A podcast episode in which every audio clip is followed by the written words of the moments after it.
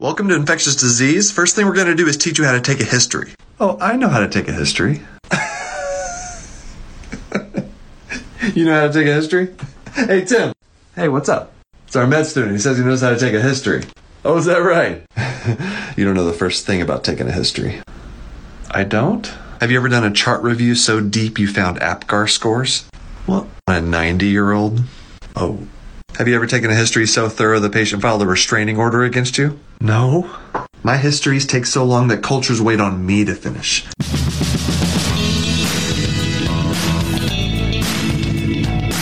Dag beste luisteraars, welkom terug bij een nieuwe aflevering van de House of Podcast. Geïntroduceerd door uh, Dr. Glaucom Vlekken.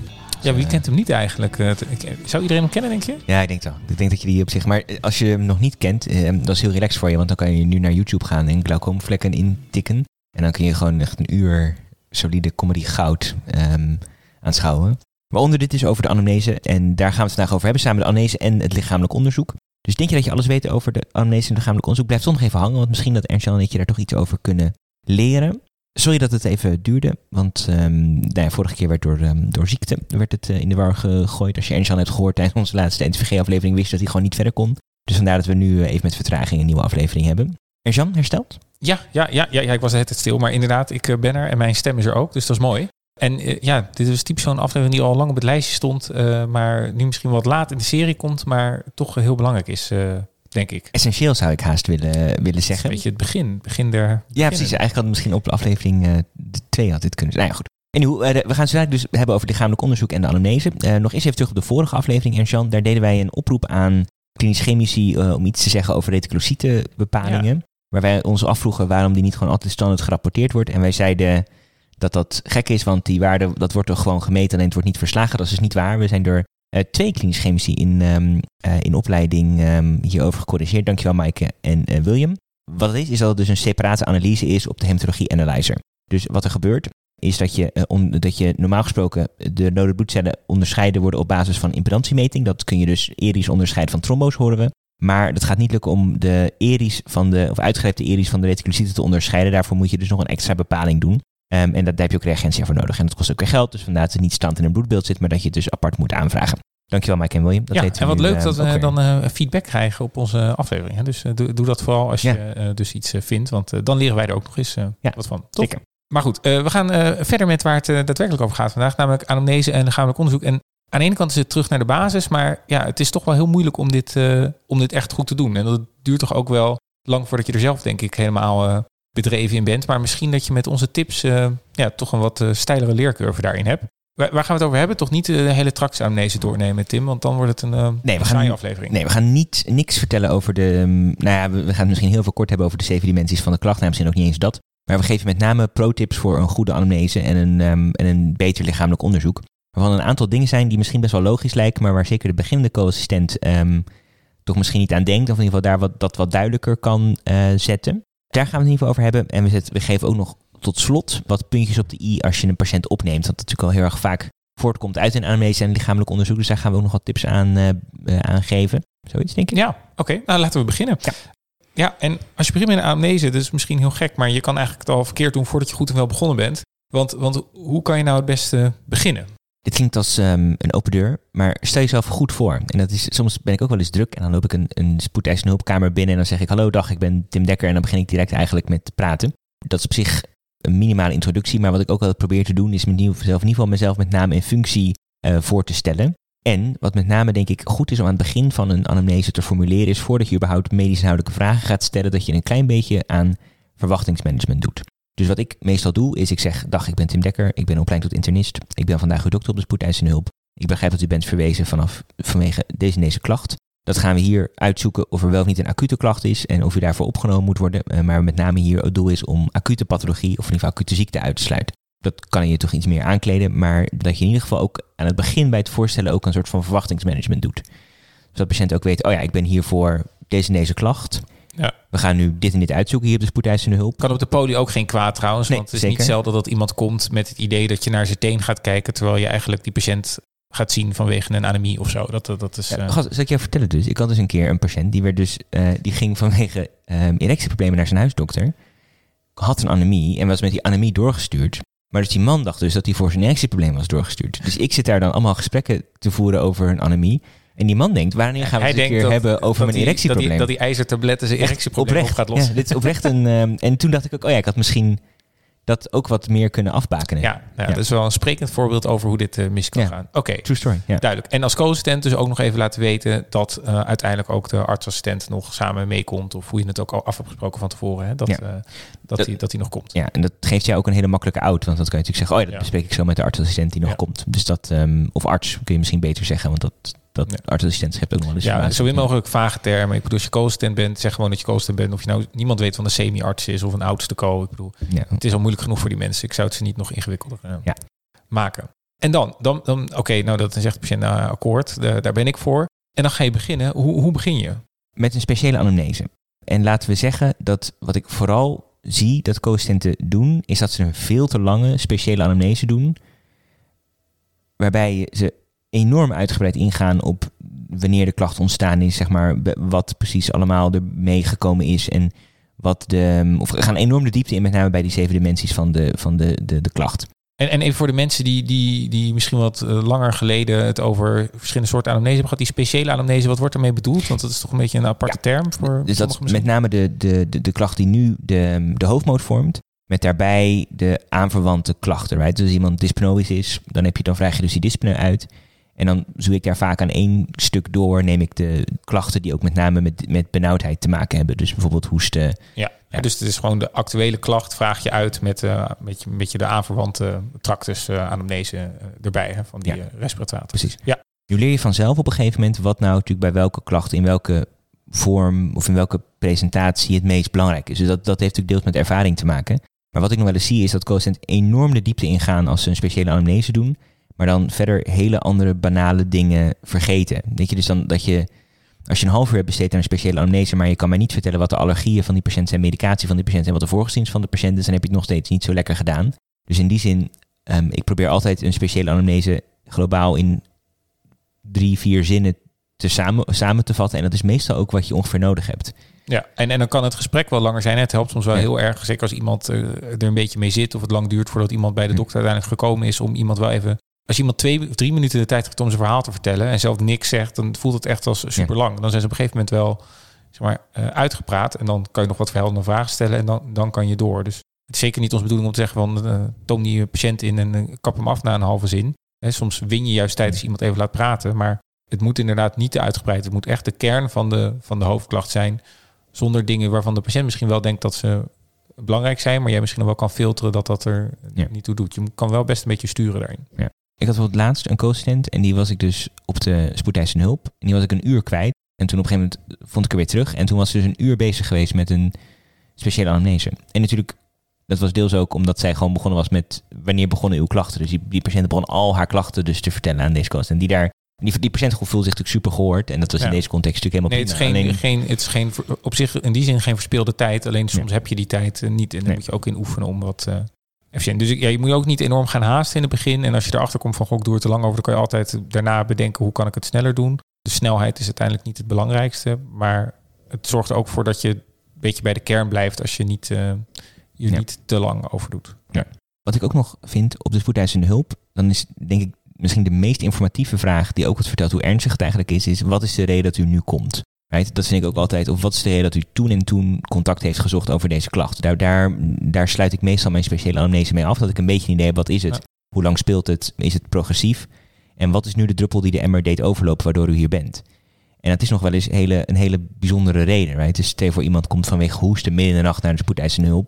Dan heb ik wel eens het antwoord gekregen waarom kom, op de vraag waarom komt u nu? Ja, mijn partner vindt het zo irritant dat we nu dus maar gewoon midden in de nacht naar de spoedeisende hulp zijn gekomen. Ja, of mijn Ventolin is op of uh, whatever. Ja, weet je. Het is, precies. Ja, zo weet je ook van... En dan weet je ook hoe, hoe ernstig je het nu moet interpreteren. Of dat echt meer een chronisch probleem is, waarbij er meer een toevalligheid is dat iemand nu komt. Ja. ja. Tot slot ook nog wel, wat ik een goede vind ook, is om ook na de speciale anamnese ook af te sluiten met waar maakt u zich zorgen om? Want dat je, in de boek staat nog wel eens, wat denkt u zelf dat het is? En ik heb nog wel eens het idee dat patiënten daar een beetje op reageren van, ja, daar ben jij toch voor. Maar dat, de vraag, waar maakt u zich zorgen om? Um, of, waar denkt, of in ieder geval, waar denkt u zelf aan iets van die aard? Um, hoe je het ook wil verwoorden. Ja, of maakt u zich ergens zorgen om? Hè? Ja. Of je niet, hoe, er is geen dwang om te antwoorden op die, uh, op die vraag. Maar ik, uh, ik doe dat ook meestal wel. Ja. Want zo krijg je ook heel erg de zorgvraag ook op die manier vaak. Als het is uitsluiten dat het kanker is of zo, dan, dan is de zorgvraag misschien heel anders dan je, dan je denkt. Um, dus dat, laat zeggen, dat zou ik altijd, altijd nog vragen, in ieder geval in het, rondom je speciale anamnese. Ja. En, en, begin jij ook wel met een, hè, want van, jij moet met een open vraag uh, beginnen. Ik, ik doe dat dus ook altijd wel. Ik, ik probeer mensen in het begin gewoon even het verhaal te laten vertellen, waarbij je altijd nog bij kan sturen. Ja. Met, met wat voor vraag zou jij bijvoorbeeld uh, beginnen? Ik zou beginnen met, eh, bijvoorbeeld in het kader van een voorbeeld, zou ik zeggen: Goh, ik begrijp dat u bent doorgestuurd door uw huisdokter vanwege buikpijn. Kunt u daar wat meer over vertellen? Dat zou ik denk ik zeggen. Dus je hebt de introductie gehad en dan begin je met deze open vraag. En dan, nou ja, dat kun je best natuurlijk, wat je net zegt, gewoon een paar, paar minuutjes even laten Drie gebeuren. minuten helemaal praten zonder dat je dokter iets vraagt, is echt heel lang. Namelijk, drie minuten is niet super veel tijd. Nee, klopt. Dus, dus ik, ja, ik heb het idee dat niemand gaat dan een kwartier, een kwartier lang uh, praten meestal. Nee, dus laat, laat, geef de patiënt even die, uh, die drie minuten. En dat is heel vaak niet langer dan dat. En, en je dan... hebt ook meteen een feeling over, oké, ik moet deze patiënt een beetje bijsturen, want anders gaat dit echt uren duren. Of uh, het antwoord is, nou ja, ik heb buikpijn sinds gisteren. Ja, dan weet je, oké, ik moet hier wel wat vragen gaan stellen, trekken. want anders, anders kom ik nergens. Ja. Goed.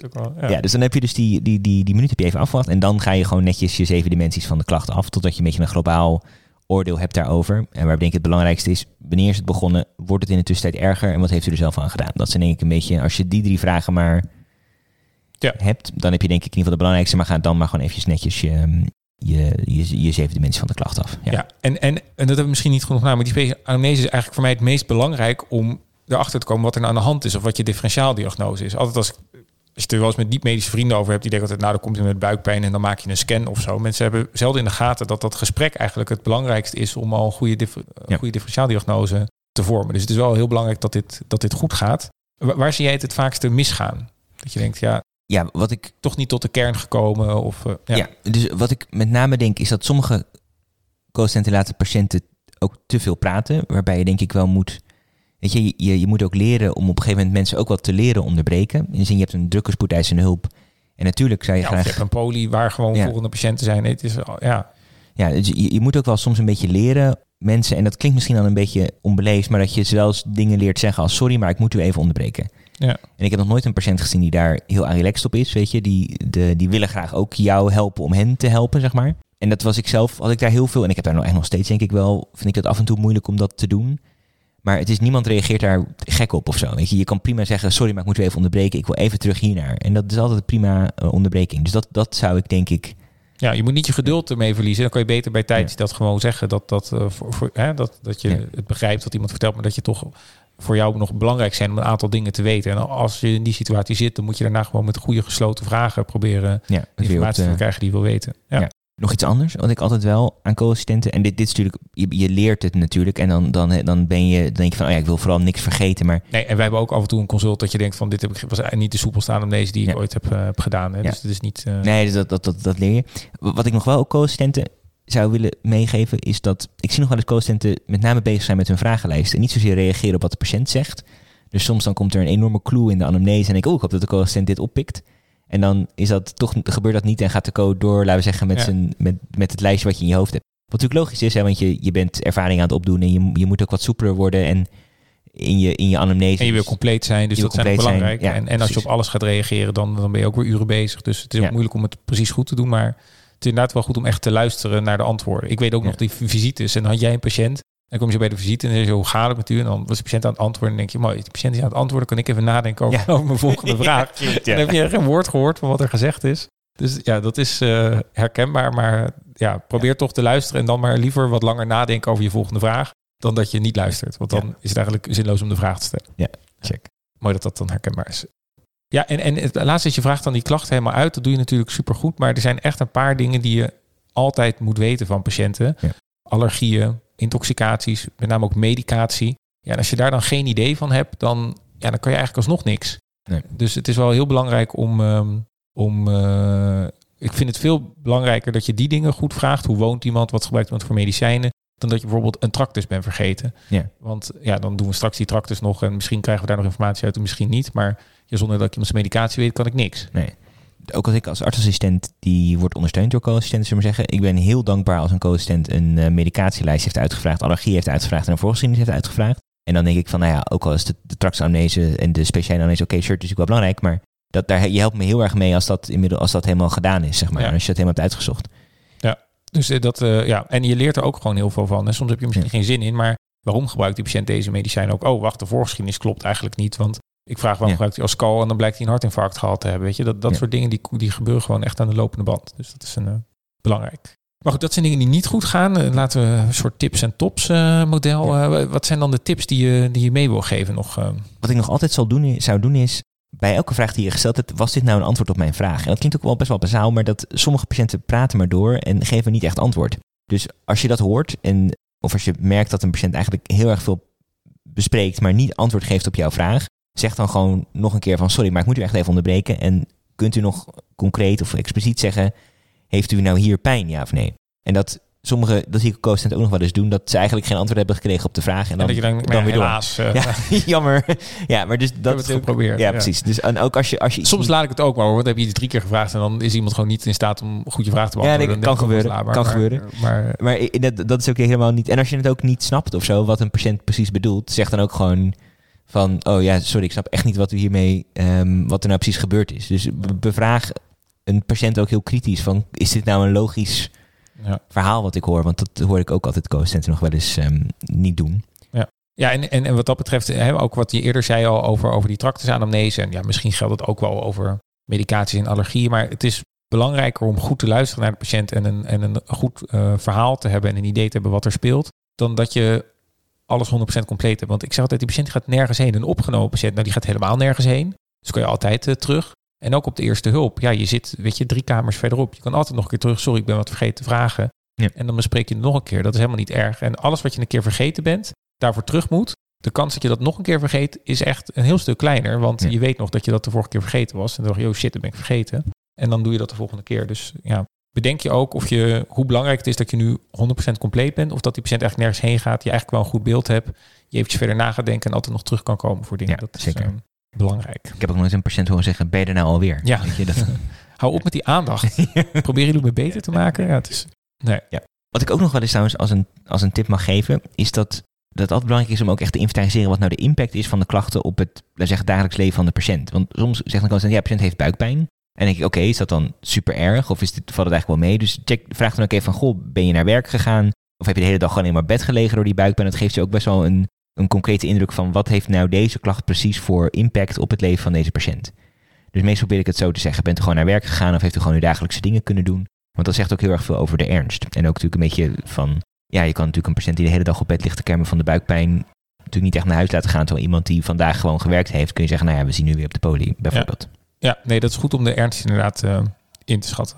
Oké, nou dan hebben we dat speciale deel wel een beetje afgerond, uh, denk ik. En ja, dan zeiden we, we gaan niet het over hele tractusanamneses hebben, maar wat zou je nou in, in bredere zin adviseren over de tractusanamnese? Want je kan natuurlijk het zo uitgebreid maken als je zelf wil. En soms denk, denk ik van, god, dat is wel heel uitgebreid. Dus soms denk ik ook wel, dit was wat sumier uh, als de kost terug met de tractusanamnese. Know your audience, zou denk ik met name. Dus als your audience de orthopedie-chirurgie is, uh, no offense, maar die hebben daar, um, die willen misschien iets weten over een trauma-mechanisme, maar zelfs dat niet eens, weet je. Die, um, nou ja, dit, dus, die, dus, die, de, dus daar, maar mocht je um, zeg maar nu op de polykliniek endocrinologie lopen, dan is het toch wel fijn als je het uitgebreid allemaal hebt uitgevraagd. Dus dat, dat is ja, en, ook iemand die met een onbekend probleem komt van ik weet niet wat er is, die patiënt is ziek, ik snap het niet. Ja, dan ben je veel uitgebreider dan iemand die komt met ik heb koorts en, uh, en pijn met plassen, zeg maar. Weet je, dan ben je toch al een beetje op een, uh, op een richting gezet. Ja. en dat is met name denk ik om je heen kijken, wat doet dit specialisme over het algemene zin? Waarbij denk ik als je de interne gehad hebt, dan kunnen je tractusamnese kleiner en kleiner ja. En het is ook niet erg om uitgebreid te beginnen, daar een gevoel voor te krijgen, dat je je rijtjes in ieder geval goed in je hoofd zitten. En dat je de eerste paar keer te uitgebreid bent. Daar heb ik in ieder geval nog nooit commentaar op uh, gegeven. Nee. Oké, dus nou ja, dan heb je die tractusamnese gedaan. Dan gaan we maar snel overheen. Maar jullie hebben allemaal de rijtjes uh, in je boekje staan als het goed is. Dus daar, daar hebben jullie ons niet voor nodig. Daar hebben jullie ons uh, niet voor nodig, hopen wij.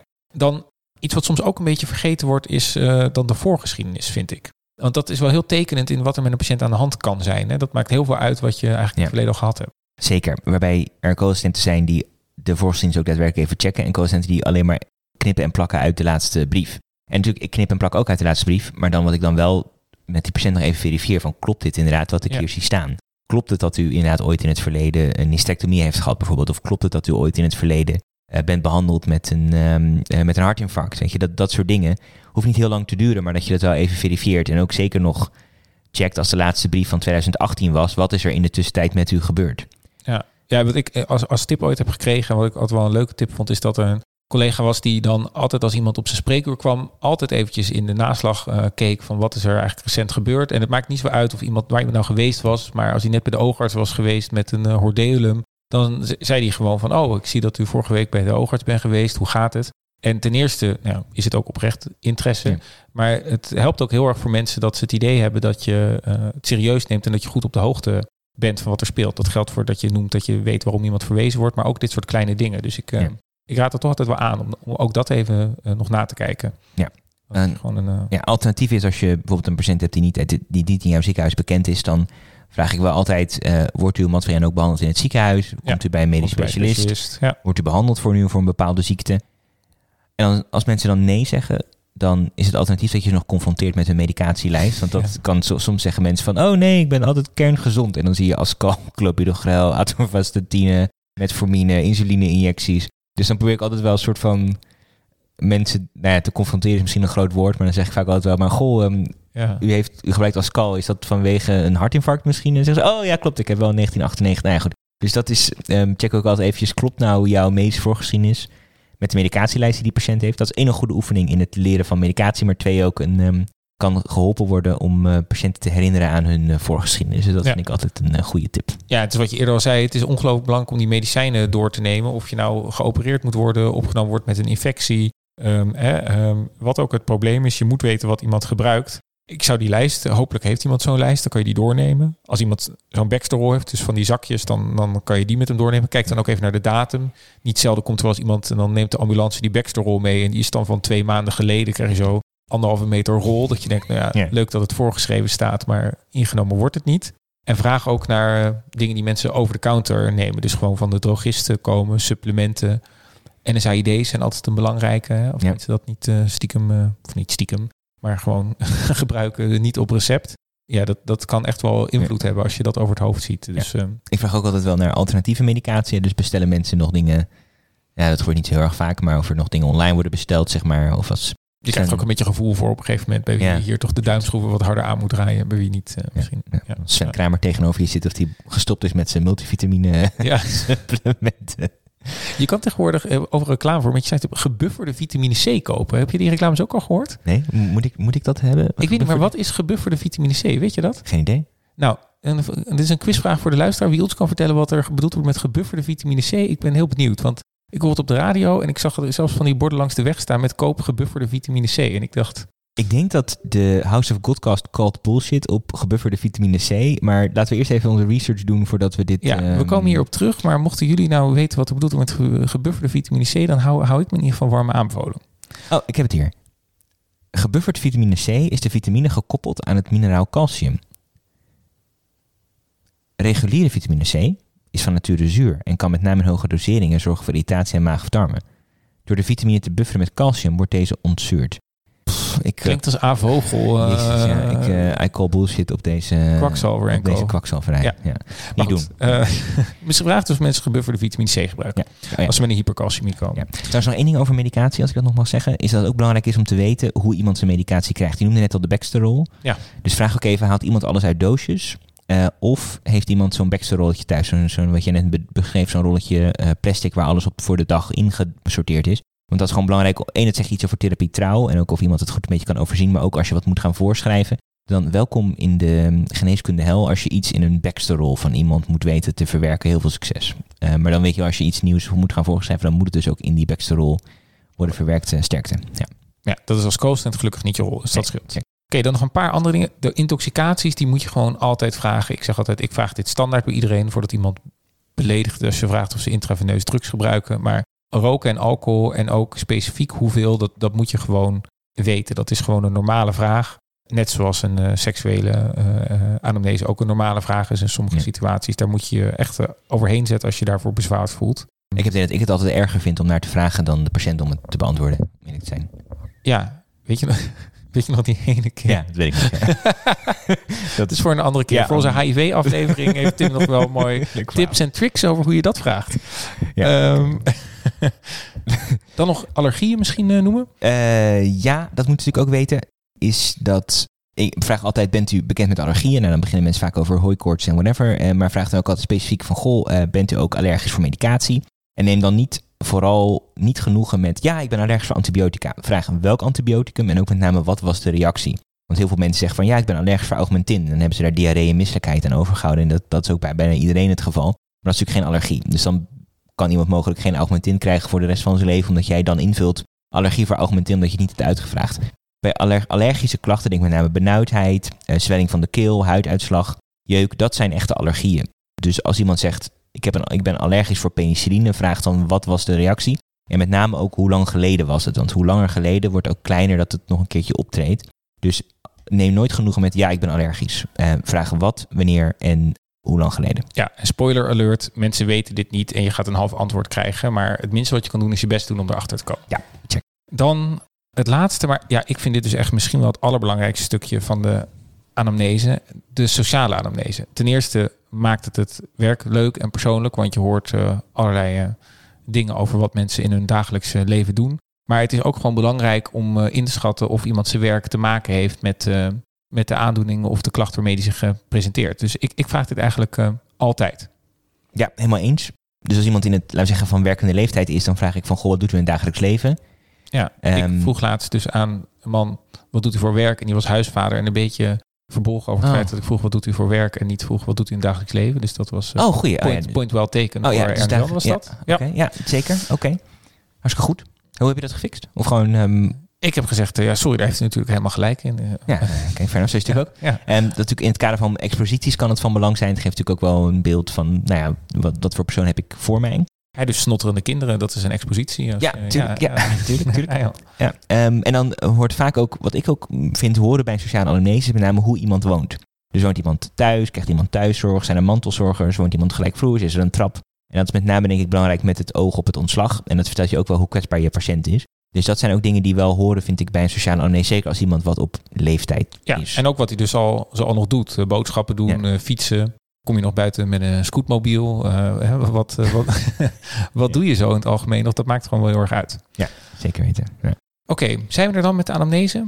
nou, misschien je kan het bij anamnese doen, maar je moet op een gegeven moment ook over de behandelbeperking iets gaan zeggen. Dat is misschien niet per se iets voor de anamnese. Moeten misschien een misschien meer bij beleid ja, ook dan. Uh, maar dat uh, nou ja, Check, dus wel kan nooit kwaad om op tijd een beetje na te vragen wat iemand zijn wensen nog zijn over behandelingen in het ziekenhuis of niet en hoe intensief. Maar check.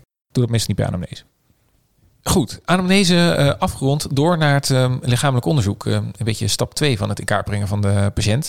Ja, en daar vind ik ook altijd dat het begin best wel vaak wordt overgeslagen of niet goed gaat. Vind je ook niet? Want waar begin jij mee? Dat is wat ik aan elke co-assistent meegeef als feedback. Is een goede algemene indruk van die patiënt. Beschrijf wat je ziet, want dat wordt echt door niemand echt lekker gedaan. Uh, heel vaak zeggen mensen alleen maar niet ziek. Maar het helpt heel erg in je statusvoering als je opschrijft hoe iemand binnenkomt. Dus als iemand vanuit de wachtkamer vlot naar binnen loopt, bijvoorbeeld. Uh, of zeg maar strompelt of gewoon niet op zijn benen kan staan, dat maakt wel echt een verschil. En dat weet, dan, dan kun je weet je direct, en iedereen die jouw status leest, hoe ziek is deze patiënt. Dus niet acuut ziek, dan ja, daar heb je natuurlijk helemaal niks aan. Dus beschrijf gewoon wat je ziet. Weet je, als die patiënt lekker ontspannen aan een tafeltje zit of zo, schrijf dat dan op. Uh, als iemand ziek is, ja, beschrijf dan waarom is iemand ziek. Dus is iemand klam of is iemand koortsig, oogt iemand benauwd. Uh, schrijf al die dingen op. Lijkt het wel alsof iemand pijn heeft, maakt iemand een pijnlijke indruk, schrijf dat ook op. Als iemand juist heel erg ontspannen oogt, schrijf dat dan ook op.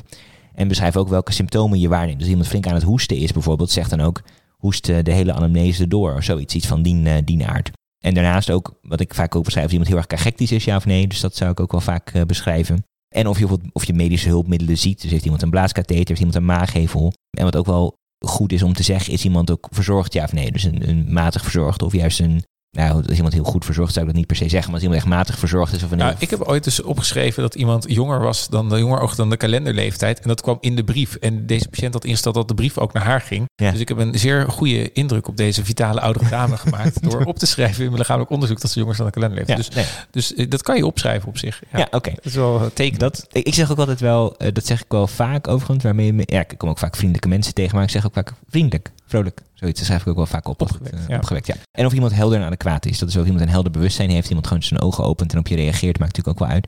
En of iemand daar gewoon ook iets van adequate taal uitkomt. Dus dat, um, dus ik zeg ook wel eens, weet je, moeilijk te volgen of onrustig. Onrustig, maakt een, nerveuze indruk. Taalbarrière, dat zet ik ook vaak wel op. Als, als er echt een taalbarrière is, en ik vaak ook bij lichamelijk onderzoek. Dat dat, of misschien zeg ik bij de, zet je het bij de amnese, maar ik zet het ook vaak wel bij het lichamelijk onderzoek. Natuurlijk, dit boeit allemaal niet als je een ABCDE-opvang doet natuurlijk. En dan ga je natuurlijk niet eerst beschrijven hoe de patiënt erbij ligt. Dan ga je gewoon met de A aan de slag. Maar dan zeg als je even de tijd hebt, begin dan met een, um, met een Maar het kost je ook maar heel kort. Want eigenlijk die observatie die heb je vaak gedaan in, in drie seconden. En dat geeft je superveel informatie. Dus het is ook gewoon zonde om dat niet te delen met je collega. Want als jij iemand ziet en Tim heeft nog opgeschreven, opgewekt, eh, helder en uh, adequaat. En ik krijg vervolgens een half suffe, uh, matig verzorgde patiënt op de poli twee weken later, dan weet ik dat er iets niet in de haak is. Ja, dat, precies. ja. En je weet heel vaak ook wel snel op hele, met een hele korte beoordeling weet je vaak ook wel, hè, is dit een zieke patiënt ja of nee? Tenminste, dat ga je natuurlijk leren. Maar eigenlijk je instinctief zie je al van, oh ja, dit is duidelijk een andere patiënt dan die ik eerder heb gezien vandaag. Ja. Dus inderdaad, allereerst is die indruk, want ja, die kan je ook niet, niet doen. Dat, dat gaat vanzelf eigenlijk, maar, maar weet je er bewust van eigenlijk. Dat ja, is misschien precies, open je ogen. Dan de volgende stap, ja, de vitale parameters. Er wordt ook nog wel eens uh, overgeslagen. En dat vind ik ook echt belangrijk om die toch in je status te noteren. Want het dwingt je om er bewust van te zijn. Wat zijn die vitale parameters? Ja. En het maakt het ook makkelijk voor de naslag. Als je naar het lichamelijk onderzoek kijkt, dan wil ik ook gewoon weten wat iemand zijn bloeddruk was. Saturatie eh, is belangrijk, denk ik. Hè? Ademhalingsfrequentie, eh, temperatuur. hartslag. Hartslag. Uh, vind jij nog andere dingen die uh, belangrijk zijn uh, ja, je zou, urineproductie, als iemand een tijdje lang op de spoedeisende hulp is bijvoorbeeld, zou je natuurlijk kunnen, kun je, zou je kunnen vermelden. Wat ik wel goed altijd zeg, is ook als iemand een saturatie heeft van 98%, vermeld dan ook met hoeveel liter zuurstof dat is. En met name ook als je het enigszins kan, uh, wat is het zonder zuurstof? En dus als je natuurlijk iedereen dat satureert. Dat mag nooit zeggen zonder zuurstof. Want dan... Oh ja, je heeft gelijk. Bij kamer. bij kamer. ja, ik heb gelijk. Ja. maar bijvoorbeeld als je natuurlijk iedereen satureert 100% met 15 liter via een non-repeater. Maar check dan ook, nou, niet iedereen, maar de meeste mensen wel. Maar check dan ook gewoon even wat het is zonder um, zuurstofsuppletie of bij kamerlucht. Want dat is natuurlijk wel heel belangrijk. En het is natuurlijk het is een opnamereden als iemand zuurstof nodig heeft. Iemand kan naar huis natuurlijk als hij, tenminste, Afhankelijk van de context, maar dat is natuurlijk, het kan een... En soms komt iemand dan met zuurstof van de ambulance en dat is dan gewoon reflexmatig gedaan. Daar is ook niks mis mee, maar je wil wel even weten hoe iemand het zonder ondersteuning doet. Ja, precies. En daarnaast is het altijd wel goed om in ieder geval op zich in je, tenminste in je achterhoofd te houden dat er vitale parameters zijn die beïnvloed worden door medicatie. Dus als iemand thuis een beta-blokker gebruikt, vanwege wat van dan ook, en nu een saturatie heeft van, of een uh, hartfrequentie heeft van 80 eh, per minuut, dan moet je altijd wel rekening houden met het feit dat iemand misschien gewoon geen minder snel een snelle hartslag maakt door die beta-blokker. Dus dat moet je altijd wel in je interpretatie meehouden. Dus als iemand geen tachycardie heeft, dan denk je, oh wat relaxed, geen tachycardie. Maar als iemand een beta-blokker gebruikt, dan moet je daar wel dat het daar invloed op kan hebben. Hetzelfde gaat als paracetamol met temperatuur. Als iemand net thuis paracetamol heeft genomen en nu aankomt met 38,0, kan het, en het kan het thuis natuurlijk best 39 geweest zijn. Goed om te weten. Ik, uh, temperatuur geloof ik meestal als mensen dat vertellen, want het is gewoon no way to find out. Dus daar moet je mensen op geloven en dat kan, dat kan gewoon wisselen. Ja. Dan, volgende stap. Ja, eh, ehm, van boven naar beneden is eigenlijk wat de meeste mensen, hoe meeste mensen het aanleren qua lichamelijk onderzoek. En dat, dat, eh, dat adviseer ik ook meestal wel. Dus um, ja, bij hoofd-hals, dan begin je in ieder geval met de klieren kan je voelen. Maar er zijn nog wel andere dingen die je ook kan doen, denk ik, in het hoofd-halsgebied. Zeker. Ik kijk ook vaak in ieder geval in de mond, als, je even, als het even relevant is. Uh, dus dat je gewoon ja, dat wordt ook echt vaak vergeten. Dus ja. dat is echt wel belangrijk. Ja, ja zie ik een tonsillitis, um, zie ik daar uh, misschien wel beslag op de tong, uh, Heel slecht gebit bij iemand met koorts. Ja, precies. Ja, Ook, een, ook een clue. Dat is met name dus in de, in de mond. En de lymfeklieren voelen doe ik net altijd. Dat is denk ik. Ogen beoordelen, sinus. Oh ja, zie ik conjunctivitis. Uh, kloppen op de. Ja. Hebben ook wel eens volgens mij het bij, met name bij, um, bij koorts hebben we een uitgebreid lichamelijk onderzoek ook van boven naar beneden volgens mij. Dus als je met name dat voor koorts wil weten, check dan die, uh, die aflevering nog een keertje. Ja. Dan het hart, dat hebben we dan ook al een beetje beschreven volgens mij met de, de soefels. Ja, vaak vind ik belangrijk dat je bekijkt of iets regelmatig of onregelmatig is. En uh, je kan ook kijken van ja, de pols die ik voel, komt die ook overeen met de hartslag? En daar zit ook een beetje een truc in om te kijken of een soefel nou systolisch of diastolisch. Hè? Want het is best lastig altijd om een soefel super, te super horen. lastig. Totdat iemand mij deze tip vertelde. En toen werd het opeens heel makkelijk. Ja. Je hoort natuurlijk een soefel en dan hoor je iets blazen, right? En dan denk je van, oh, dit is allemaal wel heel erg veel geluid op één keer. En als iemand een beetje tachykard is, dan eh, ben je natuurlijk helemaal buis. Dus leg wat dan... is nou de eerste en tweede harttoon? Ik ja, ben, uh, precies. Confuus. Ja, heel ja, precies. Dus leg dus dan je vinger op de pols. En als jij de soefel hoort op het moment dat je ook met je vinger de pols voelt, dan is het een systolische soefel. Nou, nu zijn de meeste soefels zijn systolisch. Dus als ooit een, een die vraagt, yo, is het een systolische of een diastolische soefel? Ga dan voor systolies, maar leer wel vervolgens daarna dan, als je gegokt hebt en het goed hebt, ehm, hoe je dat onderscheidt. Dus vinger op de pols, als je hem hoort, terwijl, die ook, terwijl je ook de pols voelt, systolies. Uh, als niet, dan diastolies. Maar het is 99% en ongeveer zijn systolische soefels. Ja, en zo'n systolische soefel, eh, qua oorzaken, ja, dan kan je nog uh, kijken naar de crescendo, decrescendo uh, patronen. Ik heb het idee dat cardiologen inmiddels ook gewoon een echo maken als ze willen weten wat er aan de hand is. Maar ja. wat zijn de meest voorkomende oorzaken voor een systolische soefel? De systolische soefel is bijna altijd, zeker bij oudere patiënten, is dat een aortaclipstenose. Noem dan ook waar je hem met name hoort. En dat is dan vaak parasternaal, rechts of links. Ja, klassiek is het volgens mij rechts, maar ik zie het nog wel eens links voor mijn gevoel. In ieder geval, systolische soefel bij een oudere patiënt is bijna altijd een aortaclepstenose. Gewoon een, een, een, een calcificatie van die aortakleppen komt heel vaak voor. Daarnaast komt een, als in, in het categorie systolische soefel, zie je ook nog als een mitralis insufficiëntie. Dus een aortaklepstenose, maar een mitralis insufficiëntie. Dat kun je nog wel eens horen bij een endocarditis. Um, dus alleen die hoor je dan vaak weer uh, beter axillair, axillair.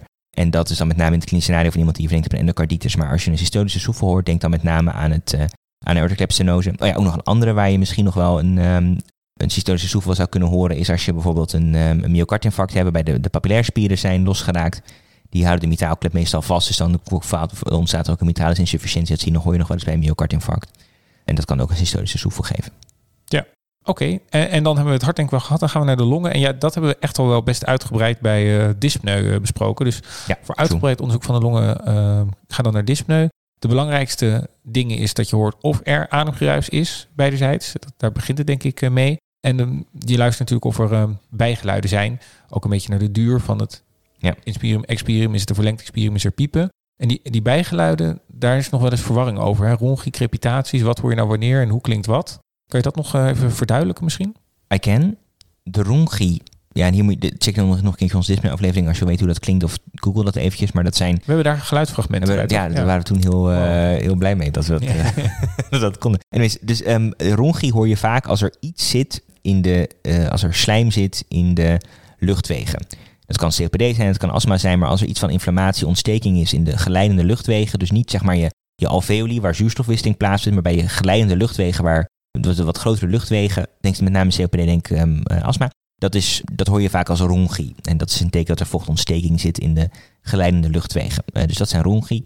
Crepitaties, uh, dat zijn met name, dat, die hoor je eigenlijk als de, um, de hele kleine uh, luchtwegen of de alveoli open springen. Dus als daar door vocht, als ze, laten we zeggen, gecollabeerd zijn of samen zitten, dan, en ze gaan open, dan hoor je dat vaak met, dus de, met crepitaties. En dat is een teken dat er dus iets zit in de hele kleine luchtwegen. Dus denk daarbij als een bewijs voor een pneumonie. Um, ronge is met name bronchitis. Denk aan crepitatie met name aan een, uh, aan een pneumonie, omdat het echt in de lage luchtwegen zit. Tot tot nog even waar Ernst net over zei, is als het nou verzwakt ademgeruis is, uh, denk dan met name als iemand een... Uh, als iemand wat overgewicht heeft, dan komt er ook nog wel eens gewoon verminderde luchthoudendheid van het longweefsel voor. Komt er, gaat er gewoon minder lucht in. Met een wat normale postuur kan het tekenen zijn van COPD of, of emfyseem. En als het aan één kant is, verminderd ademgeruis, denk dan aan pleuravocht. Want dan zie je nog wel eens dat het uh, bijvoorbeeld bazaal aan één kant of beiderzijds um, verminderd is. Ten opzichte van meer. Op, mijn schok hoorde ik dat Tim dat dus niet uitpercuteert. Dat uh, wordt uh, je als het goed is wel aangeleerd en dat doe ik ook wel. aan de andere kant, ja, als je het gehoord hebt, dan kan je, ja. kan je ook een foto maken of een echo van, van hoe handig je daarmee bent. Maar ja. Ik, um, als ik benieuwd ben naar um, pleuravocht, dan percuteer ik eigenlijk bijna nooit. Oké, niet verder opleiding. Niet verder vertellen. Dan de buik. de buik vraagt echt om een afzonderlijke aflevering nog een keer.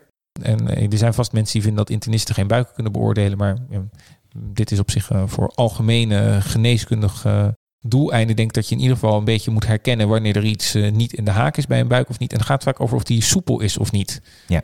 ingewikkeld, toch? Geprikkeld. Ja, ja, ja true. Behalve dan wel is dat op een gegeven moment ga je een keer een niet soepele buik voelen. En dan dus duw in alle buiken die je tegenkomt tijdens je, je kooschappen. En dan, van ehm, patiënten dan? ja, van patiënten. Uh, niet van mij. En, dan, um, en op een gegeven moment dan voel je een keer een buik en die is toch niet helemaal in de haak of zo. En dan voel je dat. En dan voel je dat. En dat, is, um, dat moet je gewoon een keer voelen als hij niet soepel is. En dan, uh, dan weet je dat direct. Um, begin altijd wel nog over met, gewoon met de, de inspectie van de buik. Zie je overigens echt best wel belangrijk. Want dat, bijvoorbeeld als je bijvoorbeeld een litteken ziet of iemand ooit geopereerd is. Of um, dan kun je daar ook altijd even vragen van... God, bent u ooit eerder geopereerd? Wat dan ook. Heeft iemand misschien een een stomazak of een hernia, dat zijn natuurlijk allemaal dingen die je in de buik kan zien. Dus dat, dat zegt ook best wel veel. Je luistert ook eventjes natuurlijk of je wat voor ademgeluiden je hoort. Ademgeluiden, of darm, uh, darmgeluiden je, je hoort. En dan met name of je gootsteengeruis hoort. En dat hoort echt wel bij een darmobstructie. Ja, en daar adviseer ik mensen altijd om wel lang genoeg te luisteren. Soms heb je zo weinig geluid en dan zegt iemand te stille. Soms moet je gewoon best wel lang luisteren, ook om bijvoorbeeld zo'n pingel te horen. Dus ik uh, adviseer mensen wel om daar even de tijd voor te nemen. Ja, check. Dat geldt voor heel je lichamelijk onderzoek, maar zeker ook uh, hiervoor. Goed, maar dus je, het onderscheid tussen soepel en niet soepel dus. Wat je vervolgens gaat doen, is dat je, um, als iemand pijn heeft, probeer dan ook een beetje te voelen waar de maximale pijn zit. En dan uh, ook waar de patiënt het, waar de patiënt het aan geeft dat het zit. En ook of iemand loslaaatpijn heeft, slagpijn in de nierloosjes. En het, um, of iemand een palpabele mild, net wij zijn natuurlijk de hele dag mild aan het palperen, maar of dat of een palpabele mild verlever is. Dat zijn een beetje de belangrijkste dingen. Maar het is wat je zegt, we moeten hier gewoon een keer een aparte ja door niet-internisten een aflevering over maken. Ja. En dingen waar je nog aan kan denken, als bijvoorbeeld een buikomvang is uh, toegenomen, dan kan je nog denken dat er vocht in de buik zit. Dan kan je shifting ja. dullness uh, kijken. Dus dan is het uh, gedempt in de flanken. en als je iemand op zijn zij laat liggen, dan verschuift dat vocht natuurlijk en daarmee ook de demping. Het is goed om daar even een goed instructiefilmpje van te kijken als je dat wil testen. Maar dat is altijd wel een leuke tool met lichamelijk onderzoek, vind ik, om te kijken. Wat ik ook nog leuk vind, is het teken van Murphy. Moet je dat misschien nog even zeggen tegen de coach? Dat wordt namelijk vaak genoemd. En ja, dan, ja. precies. Uh, dus wat je moet doen bij het teken van Murphy is dat je duwt in het rechterbovenkwadrant onder de ribbenboog. En dan vraag je de, of daar doe je dus met je hand. En dan vraag je de patiënt om diep in te ademen. Dan beweegt de galblaas naar beneden. En als de patiënt dan stopt met ademen vanwege de pijn of de ademhaling onderbreekt, dan is het teken van Murphy positief. Uh, en dan is er uh, mogelijk een cholecystitis. Dus dat vind ik altijd wel een leuke. Wat ik ook nog misschien goed vind om te noemen is het loslaatpijn. Dat is zoiets wat, waar, um, wat je ook altijd wel moet, denk ik, bij iemand met buikpijn moet controleren. Is waarbij je de, de buik zacht induwt en vervolgens relatief snel loslaat. En dat kan passen bij een peritonitis of een peritonale prikkeling, als dat het geval is, loslaatpijn. En ik vind het ook wel leuk, het teken van Roffing. En waarbij je zeg maar in het linker onderkwadrant duwt. En dat leidt, als de patiënt dan pijn voelt in het rechter onderkwadrant, dan kan dat passen bij een appendicitis. Zit weer die Amerikaanse toets die jou dit al geleerd heeft? Die Roffing, misschien, uh, maar no crime. Weet je, dat, uh, alleen, ik, weet, ik weet niet per se of dat zeg maar iets is waar chirurgen iets, uh, iets mee doen of zo. Laat ons even weten. Als je, je, voor je het weet, we gaan al die eigennamen eruit. Dus geniet ervan nu het nog ja, kan eigenlijk. Check, okay, ja. ja, en dan je grootste orgaan. Wordt nog wel eens vergeten, toch? Dat zeggen ze altijd, de, de, de huid ja, en het is toch wel goed om een huid uh, goed uh, uh, te beoordelen. Je kan huidafwijking hebben bij systeemziekten, je kan een huidafwijking hebben bij infecties. Ehm, je huid zegt iets over of iemand verzorgd is. Je kan een maligniteit op de huid hebben. Je, je kan er echt ontzettend veel aan zien. En het wordt nog wel eens um, vergeten. Dus afhankelijk van de presentatie waar je mee komt, beoordeel de huid en ook de hele huid is denk ik wel belangrijk. En meer dan je denk ik, te focussen op hoe je de huidafwijking nou officieel precies heet, is om gewoon heel goed te omschrijven wat je ziet van welke grootte. En uh, ik vind het belangrijker dat ik begrijp wat er te zien is als ik het lees, dan dat je je aan de dermatologisch perfecte omschrijving hebt uh, gehouden. Ja, maar als zie je dat anders? Nou ja, maar als je een dermatoloog wil pleasen met zo'n beschrijving, dan moet je wel echt zeg maar best wel van goede huizen komen. Ja. Want dan moet je dus zeg maar al die terminologie die zij doen, daar moet je dan ook mee aankomen zetten. Natuurlijk, de dermatologen hebben de provoke het is geen papel, het is een puzzel. Ja. Ik, had, ik weet het nog steeds niet. Ik vergeten. Maar dus je komt niet per se weg soms met... Ja, het is rood en groot. Maar dat je probeert... Ze hebben dus zo'n provoke, staat voor elke letter... staat dan voor een bepaalde omschrijving van een afwijking. Dus plaatrangsschikking, omvang, vorm, omtrek, kleur, kleur... Even, en, en wat voor afwijking het is. Dus is het een belee of een furunkel of een makelaar of een plak of een ulcus... Ja, en weet je, dat, dat is best wel een aparte tak van sport of zo. Denk ik, als je geen dermatoloog bent of geen huisdokter bent. Dat je maar omvang is wel een belangrijke. Dus probeer dat niet te schatten, want je hebt het mis meestal. Dus, dus het is wel, weet je, je hebt zo'n ECG-lineaaltje of een andere methode. Het, kan echt geen kwaad om dingen uh, echt een beetje te meten of huidafwijking bij infecties uh, ook te omlijnen, zodat je weet of het uitbreidt of niet. Dat, dat, uh, dat vind ik dan wel belangrijk, want ja, je, je beschrijft het en de volgende dokter wil graag beoordelen of het veranderd is of niet. Dus het moet wel duidelijk zijn uh, in je omschrijving wat er te zien is. En sommige dermatologen zijn ook oké okay als je een fotootje maakt en dan die opstuurt en zegt hij, oh, wat is dit? Ja, dat is... Uh, Vindt die dermatoloog die dat voor jou wil uh, doen. Alright. En dan um, wat ik ook altijd wel als een apart puntje noem in mijn lichamelijke onderzoek zijn extremiteiten. En daarin zeg ik met name is er udeem. Dat vind ik wel voor, met name voor de beoordeling van de volumestatus belangrijk. Waarbij we natuurlijk ook een keer in onze hartfalen aflevering hebben besproken, maar het kan ik niet genoeg inhameren dat niet elk udeem is hartfalen, want er bestaat ook nog iets als veneuze insufficiëntie rode of gezwollen gewrichten, met name als je denkt aan een artritis. Teken van een trombosebeen, met name dan unilaterale roodheid. Heet iemand in het kader daarvan van trombose ook een suppele kuit. En als je iemand hebt met endocarditis, waar we natuurlijk ook een aflevering over. Wat heb je toch een repertoire inmiddels afgebouwd? Ja. Maar dan moet je daar ook kijken of je de stigmata ziet van endocarditis, zoals daar zijn de Janeway lesions of de Osler nodes in de ik heb denk ik ook al drie keer dat verhaal verteld waar ik op dag drie van de opname iemand zijn sok uitdeed en ja, toen bijna een ja. afviel. Maar doe dat dus ook alsjeblieft altijd, want het is echt zonde als jij die opnemende dokter bent die dit niet gedaan heeft. Ja, true, dat is wel echt gewoon embarrassing. Ja. Een, uh, gewoon een uh, vreselijke infectie onder zit. Dus uh, check even de hele patiënt en dus ook de huid en de hele, en de hele extremiteiten. Ja. Ja, en onze repertoire is nog niet uitgebreid genoeg. Want we zijn erachter gekomen dat we een buikaflevering moeten maken. En een neurologisch onderzoek aflevering kan ook geen kwaad. Maar ja, misschien zijn wij niet de ideale host daarvoor.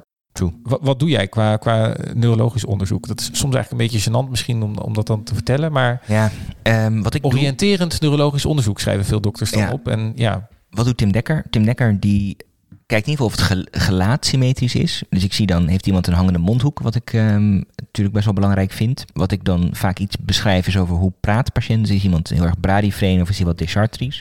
Heeft iemand pupillen die isocor en reactief zijn. Dus is iemand uh, aan beide kanten dezelfde grootte van de pupil en reageren ze allebei op licht, ja of nee? Dat is wel um, belangrijk. Ik kijk altijd als iemand nek stijf is, ja of nee. Dus ik vraag iemand om de, de, de, kin op de borst te leggen. En ik vraag iemand ook om het, uh, de heupen te buigen. Als dat allebei het geval is, is iemand in, in principe, wat mij betreft, niet nek stijf. En ik, wat ik altijd doe, is even, ik test de, de, de kracht van de, de biceps. Dus ik vraag even of ze een spierbal kunnen maken die vasthouden. En ik doe hetzelfde met de kracht van de triceps, dus andersom dan de arm strekken. Ik vraag ook aan mensen of ze hun benen in de lucht kunnen gooien en dan weet ik of ik ze tegenhouden of dat dan, um, of dat dan symmetrisch is. En ik vraag ook of mensen de. Ik buig ook vaak de knie en dan vraag ik of ze die dan weer kunnen strekken. Ja. En wat ik dan. Oh ja, en ik doe de, de vingertop-neusproef, doe ik. En ik doe de knie, de, weet het, de, de hakknieproef. En als dat oké is. Oh ja, en de, vinger, ja, de vingertop heb ik gezegd. En als dat dan voldoende is, dan is het op zich denk ik oké. En ik laat mensen ook altijd in mijn handen knijpen. Dat zegt en iets over Oh ja, handenknijp. Knijpkracht, ja. maar ook iets over... Uh, daar ja, iets. Precies, ja, ik zeg dan altijd, wees niet bang voor mijn vingers, zeg ik altijd. Want dan, dan, dan moedig ik mensen aan om echt goed te knijpen. Ik had een keer op de um, spoedeisende hulp in het, um, uh, in het ziekenhuis waar wij werkten in Den Haag... had ik een gestoorde vingertop-neusproef. En toen had ik op basis daarvan de neurowinkelconsult gevraagd... met iemand die dus een, een, een hersentumor bleek te hebben, frontaal... wat dus helemaal niks te maken heeft met een gestoorde vingertop-neusproef... En ik zei, die is volgens mij gestoord. Kun je even komen kijken naar de assistent neuro van, joh, wat de fuck maak je me nou in een drukke dienst dat ik nu bij een gestoorde vingertop neusproef van jou even hier moet kijken. En dan is dus neuroassistent komt kijken en dan vervolgens blijft de patiënt dus een frontaal en hersentumor te hebben. Dan kijk kid you not. En dat niks te maken met jou? Niks te maken met vingertop neusproef. Gebrekkige neurologische onderzoek. Ik, nou, niet helemaal. Was je wel gestoord? Uh, bij de neuroassistent volgens mij ook wel. En het was ook wel een klein beetje in de categorie van... er is ook iets niet helemaal in de haak met deze patiënt. Want hij bleef ook maar braken en hij had een vingertop neusproef die gestoord was. Dus toen vervolgens ik dus zo kijken. En dus alleen die vingers op neusproef had natuurlijk niet... laten we zeggen, neurologisch niks te maken met de lokalisatie... van waar de tumor uiteindelijk frontaal zat. Maar toen was het de neuroloog van... joh, heb jij dus die patiënt nu even met die hersentumor geïnitieerd... op basis van jouw neurologisch onderzoek? En ik zo, ja, dat was ik. Maar ik kon niet per se zeggen, ja, maar volgens mij was het dus een complete... Ehm, maar ik ben het wel met je eens. Kijk, tuurlijk mis je subtiele dingen. En als je echt denkt, er klopt iets niet, dan moet je gewoon een neuroloog laten kijken. Maar op deze manier, ook bij de hematologie, zien we best veel neurologische uitval. Heb je, houden het er toch uh, best wel uh, vaak goed uit. Dus ik vind wat jij omschrijft inderdaad wel een oriënterend neurologisch onderzoek. En dat klopt ook wel met hoe ik het doe. En dat kan je altijd doen. En uh, uiteraard, als je echt bij de neurologie zit, of misschien op de eerste hulp of een ander vak waarbij het echt belangrijk is om dat volledig te doen, dan moet je het natuurlijk beter leren. Maar dit kan je denk ik altijd uh, doen, waarbij je, als je iets afwijkend hebt, denk ik het wel weet, maar je niet vals veilig moet rekenen als dit onderzoek uh, niet afwijkend is. Ja. Heb ik dat een beetje samengevat? Uh, ik denk dat dat helemaal juist is. Ja, en daar moeten we dan misschien ook het lichamelijk onderzoekdeel mee afronden. En ja, we hadden eigenlijk beloofd dat we nu ook nog praktische tips voor opname zouden geven. Maar om dit geen twee uur durende aflevering te laten zijn, uh, moeten wij ook uh, leren een beetje beknopt te zijn, uh, Tim. Want ja, daar is geen ruimte de coach wel, maar nu ja, ben zelf ook. zijn we zelf een beetje lang van stof. Mag je nog twee afsluitende dingen zeggen waarvan ik... Vooruit. Ja, er, ja. er gezicht eigenlijk, nee, eigenlijk één, maar, maar nee, zijn stem.